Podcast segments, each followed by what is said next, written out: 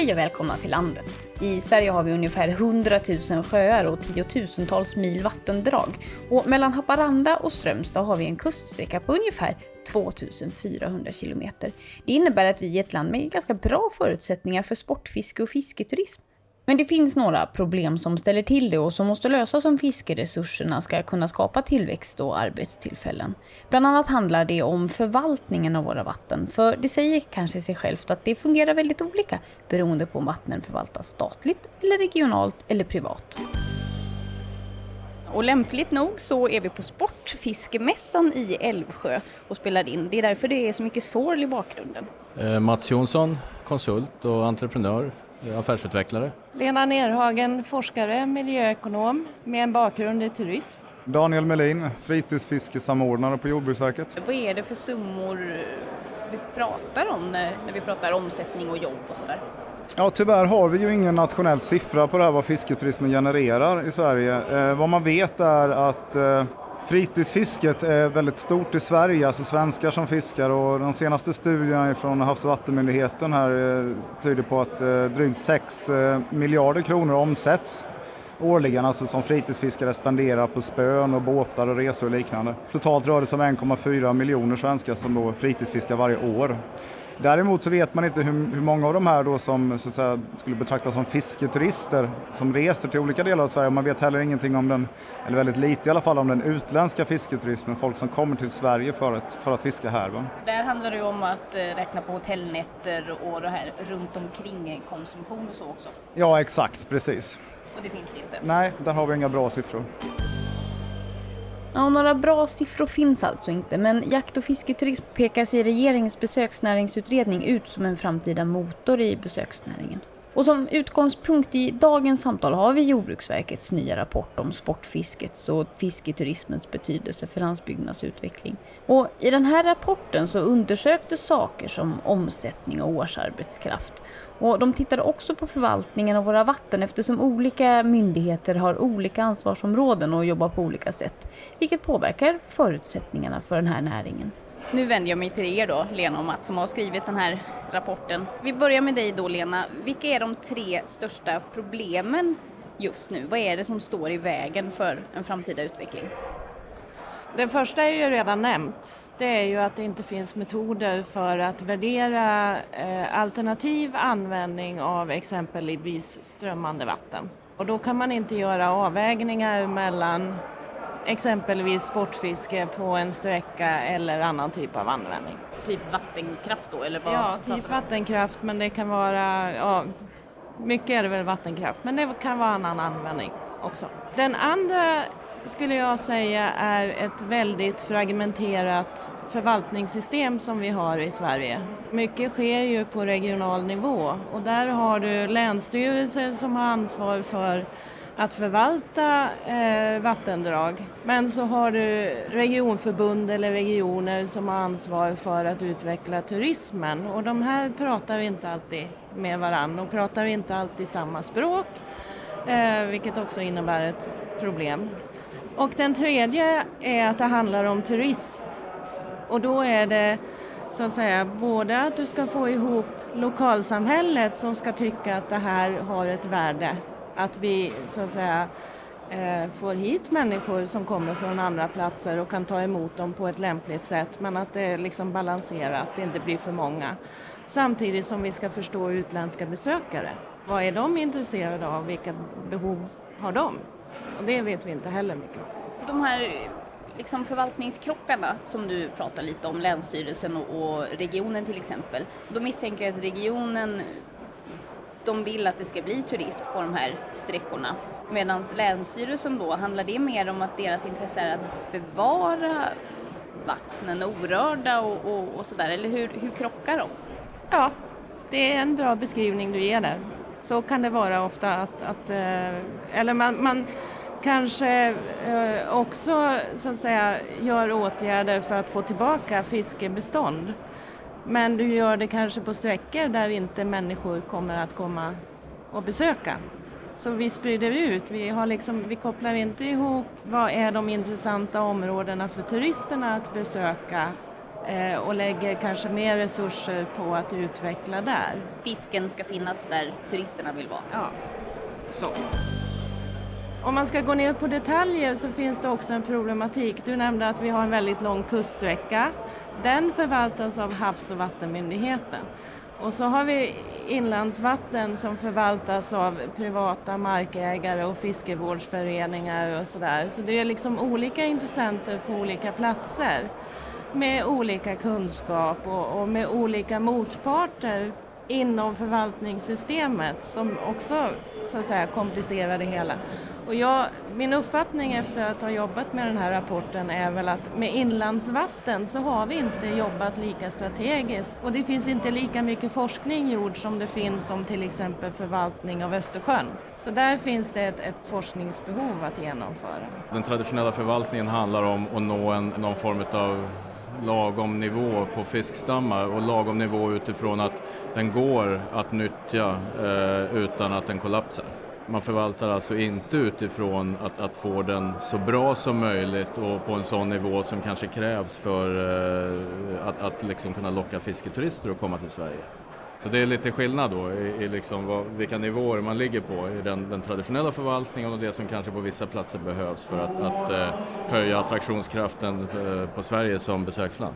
Lite grann, ska vi ha lagom överallt eller ska vi faktiskt våga differentiera och säga att vi har riktigt bra vatten här och vissa lämnar vi i en lite sämre standard.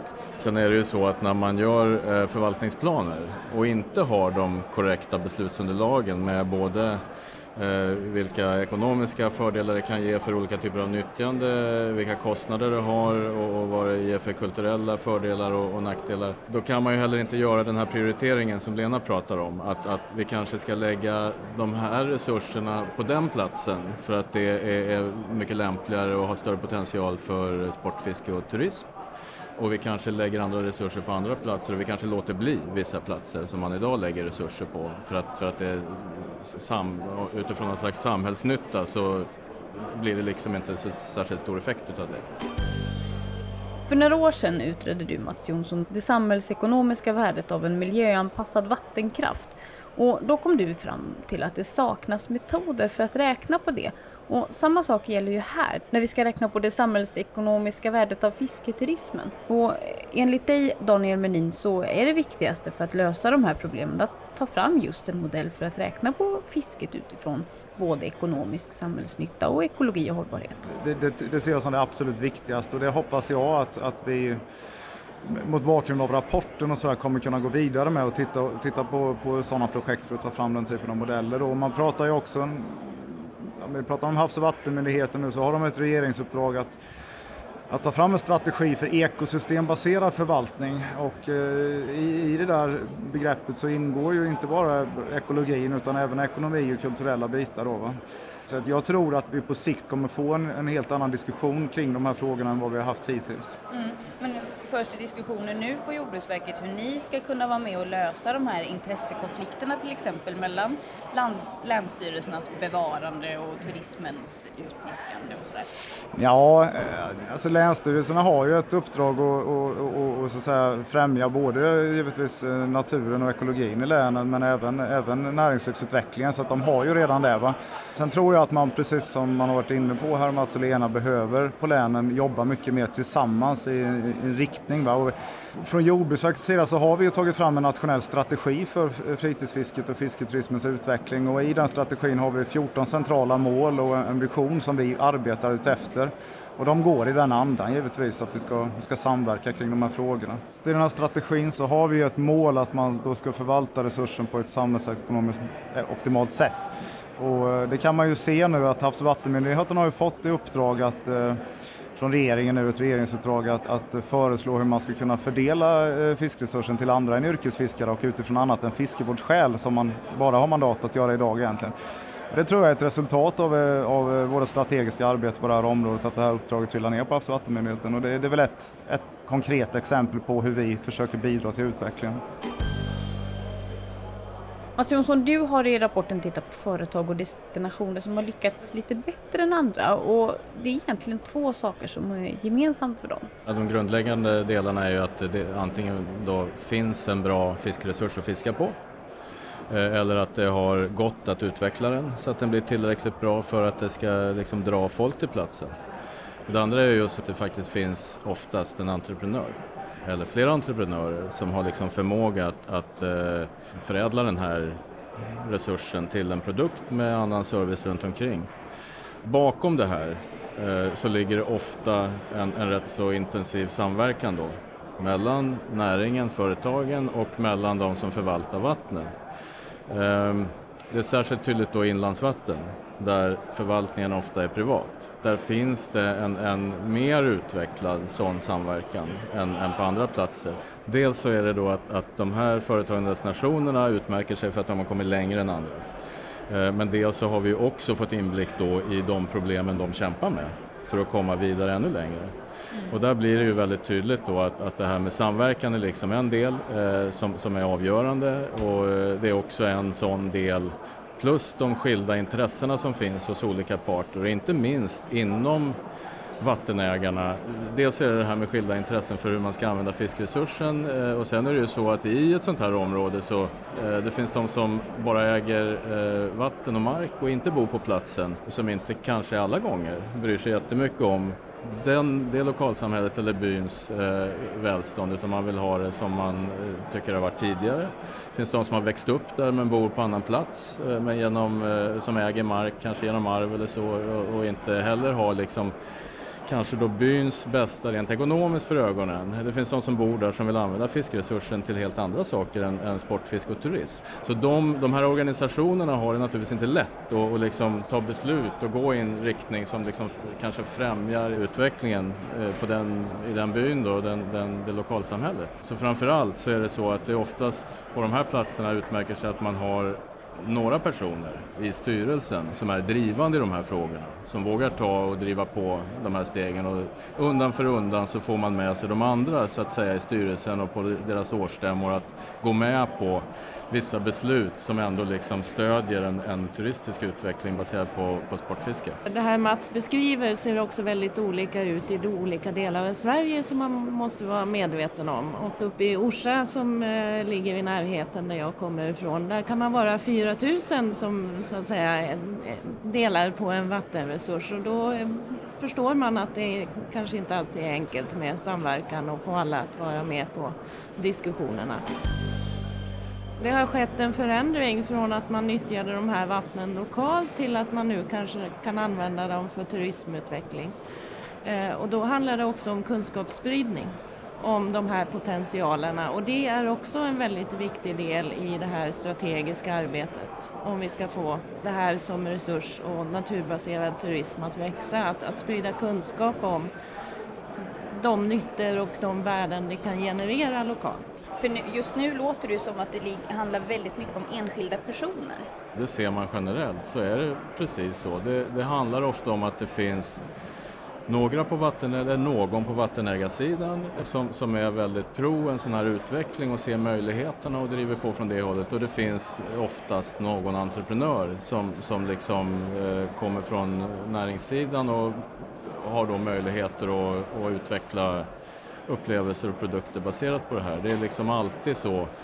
Eller om man tittar på de, de allmänna vattnen och längs kusterna och stora sjöarna, att det finns en tillräckligt bra resurs och det finns någon slags statlig förvaltning som, som gör att den ligger på en nivå som går att nyttja för det här. Det är mycket riktigt så att kunskap är ju helt avgörande för om vi ska få till någon förändring, alltifrån central till regional och lokal nivå. Just av den anledningen så anordnade vi Eh, en nationell fisketuristkonferens 31 januari och det var också mot bakgrund av eh, slutsatserna i den här rapporten där vi då försökte samla beslutsfattare och andra eh, för att informera om de här frågorna så att man, man får den här kunskapen sig till livs.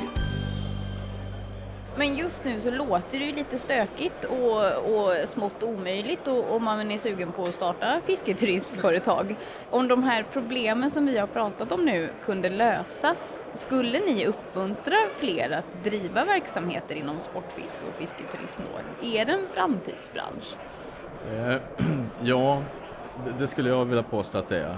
Men det är vissa pusselbitar som måste falla på plats. Vi har allt ifrån vårt fragmenterade då förvaltningssystem med olika spelare på olika nivåer som ofta har sitt ansvarsområde, sitt stuprör de jobbar i och kanske inte då så ofta samverkar med andra på den nivån som, som man skulle behöva. Och så har du näringssidan som har, behöver liksom stöd från det här då och utbyte av information och behov och så vidare. Men det finns stor potential eh, och kan man komma till rätta med en del av det här så, så skapar man ju resurser och liksom förutsättningar för företagare att se en lönsamhet i att starta mer verksamheter. Vi har ju goda exempel som, som eh, är lönsamma och vi vet att det finns en stor marknad i Europa. Jag tror det handlar om 40 eller 50 miljoner sportfiskare och en del av dem reser. Vi har på andra sidan Atlanten en, ett stort intresse naturligtvis. Det kommer att vara ett viktigt komplement. Man ska ju ha klart för sig att, att sportfiske och fisketurism är lite olika saker. Alltså vi har en sommarsäsong och vi har en annan typ av fiske på vintern. Men det är ett viktigt komplement, men det kommer inte att växa till det om, om vi så att säga sprider ut det överallt. För då kommer det inte att, att bli kritisk massa för att, att verkligen få ett lyft på ett ställe. Så därför behövs det här strategiska arbetet. Nej, jag delar uppfattningen här. Det, alltså, Sverige har ju enormt fina förutsättningar för att utveckla det här med alla våra vatten. Och, och det, är, det, är, vissa saker som behöver komma på plats för att man ska få den här skjutsen liksom i näringen och branschen. Och, och som Lena är inne på så är det ju precis det är ett komplement till, precis som annan typ av naturturism. Man kan inte bedriva det året runt kanske överallt utan det, men det kan bli väldigt viktigt för vi har mycket vatten och vi har väldigt fina fiskbestånd på många ställen. Och, så, och, och som sagt, som Mats nämnde så är ju sportfiskeintresset väldigt stort. Det kan man ju inte se, se inte minst här på mässan i Sverige liksom hur mycket folk som kommer hit och, och även i övriga delar av världen så är det stort. Så jag, jag tror på det här för framtiden, absolut. Jag tänkte avslutningsvis så vi har nämligen eh, ganska bred skara lyssnare. Det finns både beslutsfattare och landsbygdsutvecklare och människor som bor och verkar på landsbygderna. Så om ni fick göra ett medskick, vad skulle det bli och vem vänder du dig till? Jag har en sak som jag har identifierat i olika projekt och det är att det finns en oklarhet mellan politisk nivå och eh, kanske framförallt myndigheter om vem som har ansvaret för att hantera målkonflikter. Vi får EU-direktiv som handlar om att vi ska förvalta vatten på ett visst sätt. Vi får EU-direktiv om att vi ska ha biologisk mångfald samtidigt som vi också vill ha energiproduktion i det här landet. Det är inte uppgifter som ligger på myndigheter och tjänstemän att hantera utan det är politiska frågor och politiska avvägningar eh, där det idag saknas den diskussionen och här måste man så att säga involvera politiken i mycket större utsträckning än vad som görs idag. Och Daniel? Ja, mitt medskick blir väl ganska enkelt. Jag tycker att man ska man ska använda på, på lokal och regional nivå, beslutsfattare ska titta på den nationella strategin för fritidsfiske och fisketurism och de målen som finns där och bryta ner dem lokalt och, regionalt och se man kan, hur man kan jobba med de målen på plats. Liksom. För de målen har, har vi arbetat fram tillsammans med eh, en rad olika nationella aktörer på det här området och de är väl genomtänkta och, och viktiga att ta hänsyn till i utvecklingsarbetet regionalt. Vi behöver allmänt accepterade och, och liksom eh, bra eh, värderingsmetoder och i sen då de analyser man gör kring vattenanvändning så behöver man ta med då de här värdena för alla nyttjare, inte bara vissa utan även det här nyttjandet som vi pratar om, som handlar om sportfiske och, och fisketurism. När man har gjort den här balanserade avvägningen kan man göra prioriteringar hur man ska använda vatten för att det eh, ska ge mest nytta för samhället. När det gäller eh, lagar så, så, tror jag att man behöver göra eh, till slut äntligen, det har varit på gång några gånger, en revidering av lagen om, om eh, FEO då, eh, fiskevårdsområden, så att de här lagarna tillåter de här organisationerna att eh, i, större eh, i större utsträckning kunna understödja lokal utveckling. Det känns viktigt. Med det säger landet på de bortom storstan tack och hej från Sportfiskemässan.